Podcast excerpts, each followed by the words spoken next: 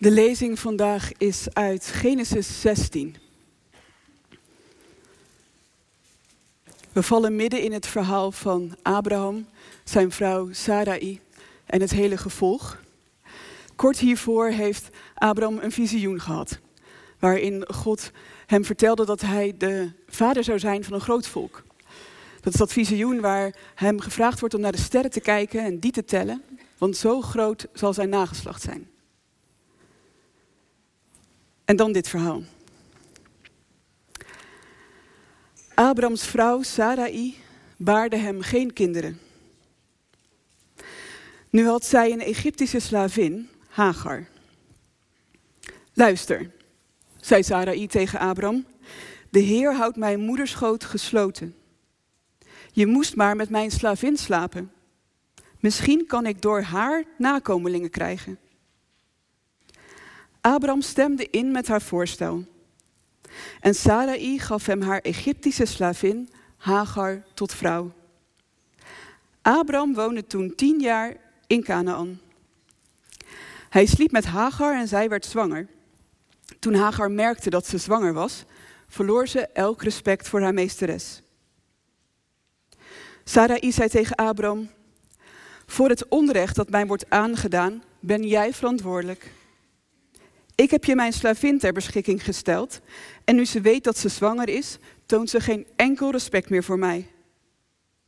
Laat de Heer maar beoordelen wie er in het recht staat, jij of ik. Abraham antwoordde: Het is jouw slavin. Doe met haar wat je goed dunkt. Toen maakte Sarai haar het leven zo zwaar dat ze vluchtte. De engel van de Heer trof haar in de woestijn aan bij een waterbron. De bron die aan de weg naar Sur ligt. Hagar, slavin van Sarai, waar kom je vandaan en waar ga je heen? vroeg hij. Ik ben gevlucht voor Sarai, mijn meesteres, antwoordde ze. Ga naar je meesteres terug, zei de engel van de Heer en wees haar weer gehoorzaam. En hij vervolgde, ik zal je heel veel nakomelingen geven. Zoveel dat ze niet te tellen zullen zijn. Je bent nu zwanger en je zult een zoon ter wereld brengen. Die moet je Ismaël noemen. Want de Heer heeft gehoord hoe zwaar je te verduren had. Een wilde ezel van een mens zal hij zijn. Hij schopt iedereen en iedereen schopt hem. Met al zijn verwanten zal hij in onmin leven. Toen riep zij de Heer, die tot haar had gesproken, zo aan. U bent een God van het zien. Want, zei ze, heb ik hier niet hem gezien die naar mij heeft omgezien? En daarom noemt men de bron daar Lacha Iroi. Dat betekent bron van de levende die mij ziet. En de bron ligt tussen Kades en Beret. Hagar bracht een zoon ter wereld. En Abraham noemde de zoon die zij hem had gebaard Ismaël. Abraham was 86 jaar toen Hagar hem Ismaël baarde.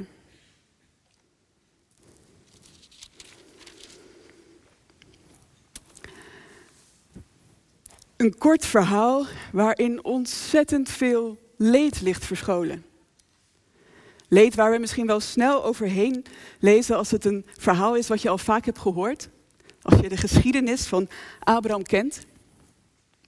Maar wel een belangrijk verhaal. Het begint al met de belofte die aan Abraham gedaan wordt. Uit hem zal een groot volk geboren worden. Maar Sarai kan geen kinderen krijgen. Het staat er vaak in een kleine bijzin. Maar wat een leed ligt er verscholen in zo'n zin. Toen en nu nog steeds, een kinderwens die niet vervuld wordt, veroorzaakt een heleboel pijn. En in die tijd was de roeping van een vrouw voornamelijk het krijgen van kinderen, van groot belang voor de toekomst en de voortzetting van de gemeenschap. Wat een leed moet dat geweest zijn voor Sarai. En wat zij doet is dat ze dan een oplossing verzint. En helemaal niet zo'n gekke voor die tijd. Abraham en Sarai leefden in een patriarchale cultuur, waarin de man, en helemaal Abraham, een rijke man, dat lezen we over hem in het begin van het verhaal. Hij bezat veel goud, veel zilver, had veel vee. Is het hoofd van de familie, van alles daaromheen. En Sarai en Abraham heeft van God de belofte gekregen dat hij een groot volk zou krijgen. Sarai heeft die belofte nog niet gehad van God. Pas een paar hoofdstukken later wordt ook tegen Sarai gezegd dat zij een kind zal krijgen. Dus het is helemaal niet zo gek dat zij denkt, als ik Abraham mijn slavin geef, dan kan hij bij haar kinderen krijgen. Ze is hiermee niet per se ongehoorzaam aan de belofte die God hun doet. Zij heeft die belofte nog niet gehad. Zij verzint een andere route. Een route die in die tijd vaker en veel genomen werd. Maar ook een route waar meteen ontzettend veel leed in ligt verscholen. Want Hagar is natuurlijk meer dan iemand die je kan gebruiken om je eigen plannen uit te voeren. Hagar is een mens, een vrouw. Maar ze wordt hier door Abraham en Sarai niet zo gezien. Als zij praten over Hagar, noemen ze haar naam niet. Ze hebben het over die slavin. Mijn slavin. Jouw slavin. Maar ze nemen haar naam niet in hun mond en ze praten niet rechtstreeks tot haar. Hagar wordt hier in dit hoofdstuk door mensen niet direct aangesproken. Er wordt alleen maar over haar gepraat.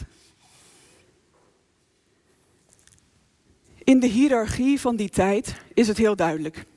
Abraham, Sarai, Hagar. En God is degene die communiceert met Abraham. God communiceert niet met Sarai, maar met Abraham. En als Hagar dan zwanger wordt, opnieuw iets waar ze zelf geen zeggenschap over heeft, dan krijgt Sarai spijt.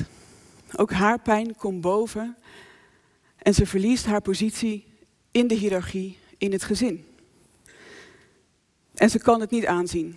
Ze kan het niet verdragen en ze vraagt aan Abraham: stuur die slavin van mij weg. Abraham verwijst: het is jouw slavin. Doe wat je goed denkt. En al dus geschieden. Hagar wordt het leven zo zuur gemaakt dat ze niks anders ziet dan vluchten. Maar dan, als Hagar in de woestijn zit, de woestijn, de plek in de Bijbel waar, waar altijd iets bijzonders gebeurt, een plek van transitie. Als ze daar zit, dan klinkt voor het eerst in dit stuk haar naam in de mond van iemand anders. De engel van de Heer ziet haar en noemt haar naam. Hagar, slavin van Sarai. Waar kom je vandaan en waar ga je naartoe? Waar ze vandaan komt, dat weet ze. Waar ze naartoe gaat, dat weet ze nog niet. Haar toekomst is op dat moment heel onzeker. En die engel die stuurt haar terug. Die zegt, je moet teruggaan naar Sarai en wees je meesteres weer gehoorzaam. Ik weet niet hoe jullie het hoorden, maar ik vind het best hard om te lezen. Hagar, die zich bevindt in een situatie waarin ze geen zeggenschap heeft over haar eigen lichaam, over haar eigen leven. Waarin haar het leven zo moeilijk wordt gemaakt dat ze vlucht, moet terug naar waar ze vandaan gekomen is. Maar niet zomaar. Ze wordt niet met lege handen, ze wordt niet zonder toekomst teruggestuurd. Want Abraham kreeg een belofte dat uit hem een groot volk zou voortkomen. Maar Hagar krijgt die belofte ook. God zegt ook tegen haar: Je zult een zoon krijgen. En uit die zoon, uit jou, zal een groot volk komen. Ik zal je veel nakomelingen geven. Zoveel dat je ze niet kan tellen. Dus Abraham, de man vol aanzien en macht, de rijke man, hoofd van het, van het gezin, hoofd van de familie, en Hagar, de vrouw tegen wie niet gesproken wordt, die geen enkele positie heeft, geen enkel recht. God spreekt ook tegen haar, dwars door al die hiërarchie heen. Hij ziet haar, hij spreekt tot haar en ook zij krijgt een belofte.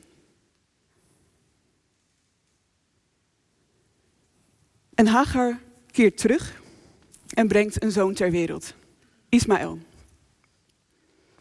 En die zoon, die naam heeft die zoon gekregen van God.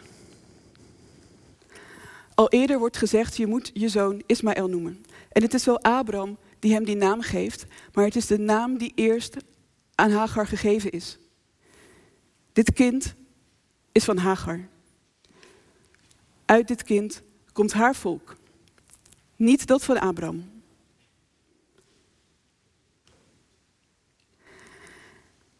En dan gebeurt er nog iets moois. Hagar, die door God bij haar naam genoemd wordt, gaat terugpraten.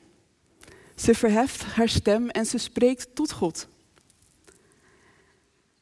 U bent een God van het zien.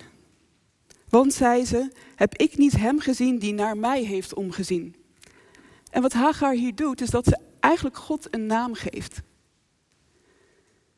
Zij vertelt dat wat God gedaan heeft in haar leven, dat wat zij ervaren heeft van God, en geeft aan de hand daarvan God een naam, een beleidenis. U bent een God van het zien. En het mooie is dus dat deze vrouw zonder stem op deze manier ons en alle mensen die deze verhalen hebben gelezen en hebben gehoord, iets leert over God wat we hiervoor nog niet wisten. Namelijk dat God dus niet alleen maar met Abraham spreekt, maar ook met een onzichtbare vrouw. Dat God iedereen ziet, ongeacht je plek in deze samenleving, ongeacht wat er gebeurd is in je leven. Geen, geen leed wat jij lijdt, blijft ongezien in de ogen van God. En er wordt een bron vernoemd naar deze gebeurtenis.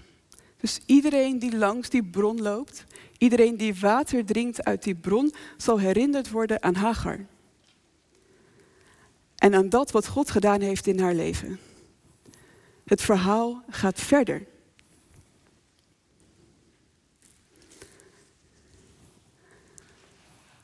En het mooie van dit verhaal is dat het ook ons iets te zeggen heeft op heel veel verschillende niveaus.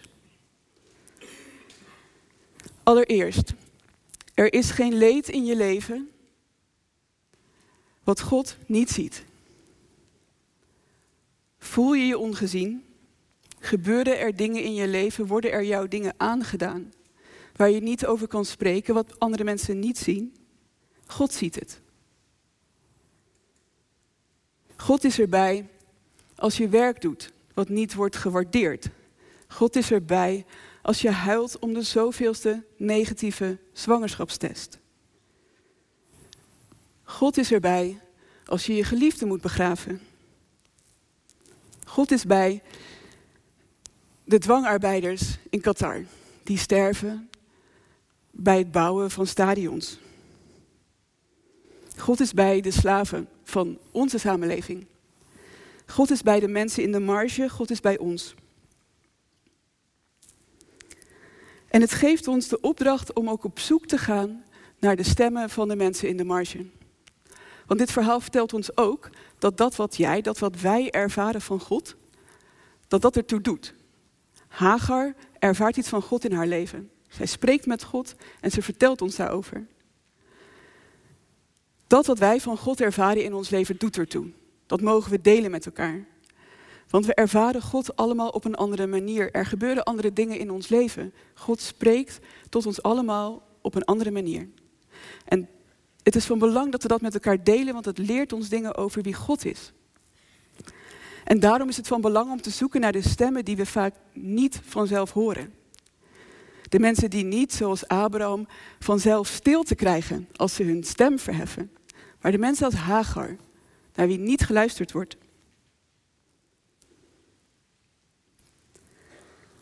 En wie dat zijn, dat verschilt natuurlijk per plek.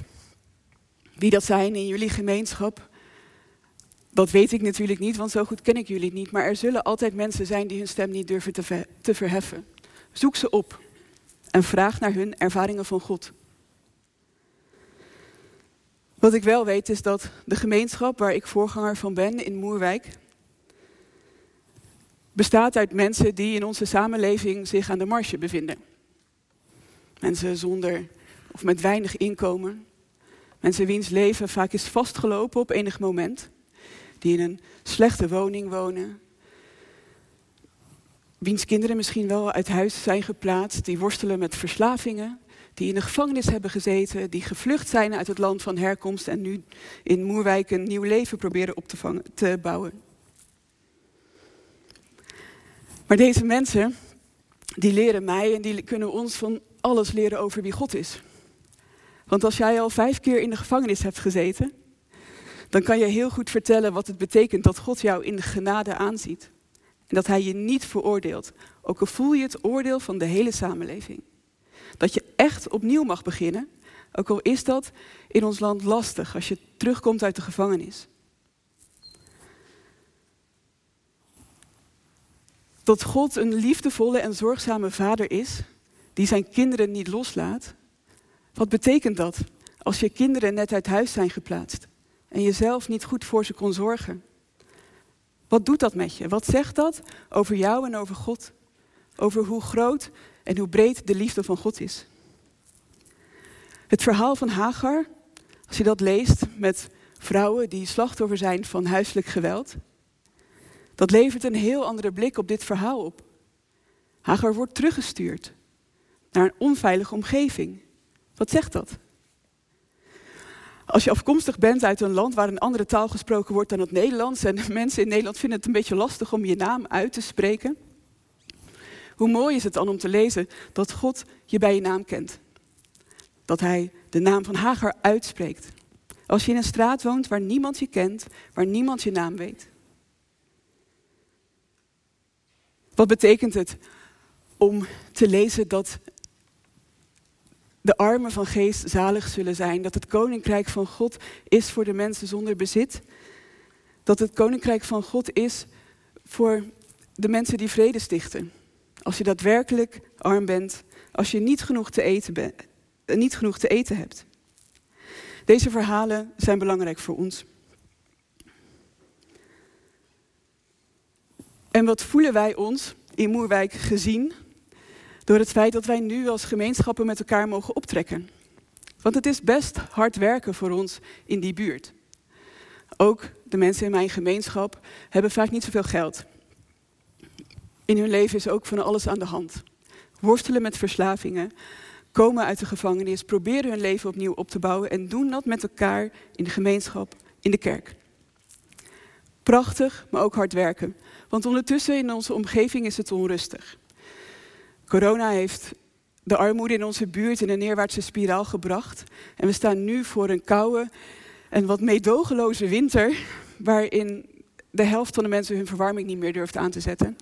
En het koud is en de rekeningen oplopen en de mensen die in de problemen komen, die groep wordt steeds groter. Het beroep wat op onze kerk wordt gedaan, wordt steeds groter en we weten eigenlijk niet zo goed of we dit nog kunnen dragen. En wat mooi om dan te merken dat er gemeenschappen zijn zoals die van jullie die omkijken naar die van ons. Toen ik dat deelde in Moerwijk, dat ik vandaag hier mocht voorgaan, merk, merk, merkte ik dat het mensen goed doet. Dat dat wat daar gebeurt, dat wij daar als kerk proberen te doen, dat dat ook verteld mag worden.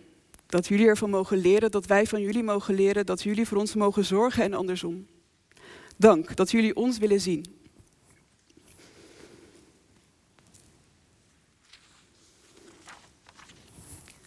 We kunnen elkaar ook zien door te kijken naar het leed en het verdriet wat ons overkomen is in ons leven.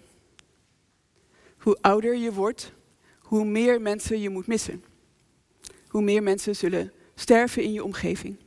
Hoe meer verlies je met je meedraagt. Vandaag is het eeuwigheidszondag. Bij uitstek een moment om daar even bij stil te staan. Het noemen van de namen van de mensen die zijn overleden. Niet alleen de mensen die dit jaar zijn overleden, maar de mensen die je met je meedraagt. Van wie je houdt, van wie je hebt gehouden, die van jou hebben gehouden. Hoe mooi is het om dat ook met elkaar te delen? Want hoe vaak weten mensen dat eigenlijk helemaal niet van elkaar? Als ik naar mijn gemeenschap kijk, dan zijn dat allemaal mensen die niet met elkaar zijn opgegroeid. En die ook niet per se elkaars familie kennen. Mensen komen overal vandaan. Dus jouw levensverhaal en de mensen die je mist, die is, dat is niet bij iedereen bekend. Maar het heeft je wel gevormd. Dus het is goed om ook momenten te nemen met elkaar om daarbij stil te staan. Op je kring, straks in het gebed of vanmiddag bij de herdenking. Vraag elkaar naar de namen die je noemt. Naar de mensen die je lief had en die je nu moet missen. Zie elkaars verdriet.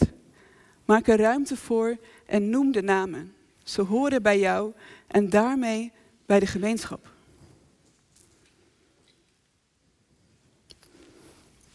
God is een God die ziet. Die ons ziet. Die Hagar ziet, die Abraham ziet, die Moerwijk ziet, die Vathorst ziet. Die mensen ziet met macht, maar ook mensen zonder stem. We gaan straks een lied zingen. Of we gaan geen lied zingen, we gaan luisteren naar een lied van Sela. Dat lied gaat over de namen van de mensen die we missen. Luister daarna. Daarna is het even stil, ook om stil te staan en de namen te noemen van binnen van de mensen die je mist. En vraag elkaar straks ook bij de koffie. Aan wie moest je denken? Wie kwam er voorbij? En van wie moet ik weten? En als je deze persoon mist, wanneer is dat dan het meest? En hoe kunnen we op dat moment voor jou zorgen? Laten we met elkaar bidden.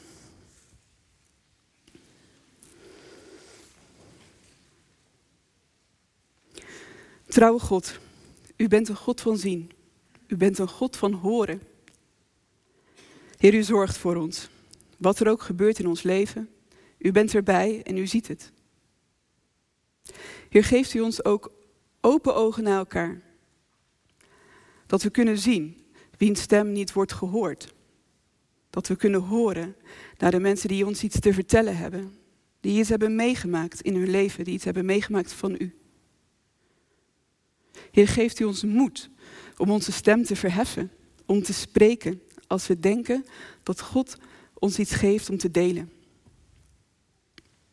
Heer, we bidden u voor het verdriet in ons, voor de mensen van wie we houden die we moeten missen.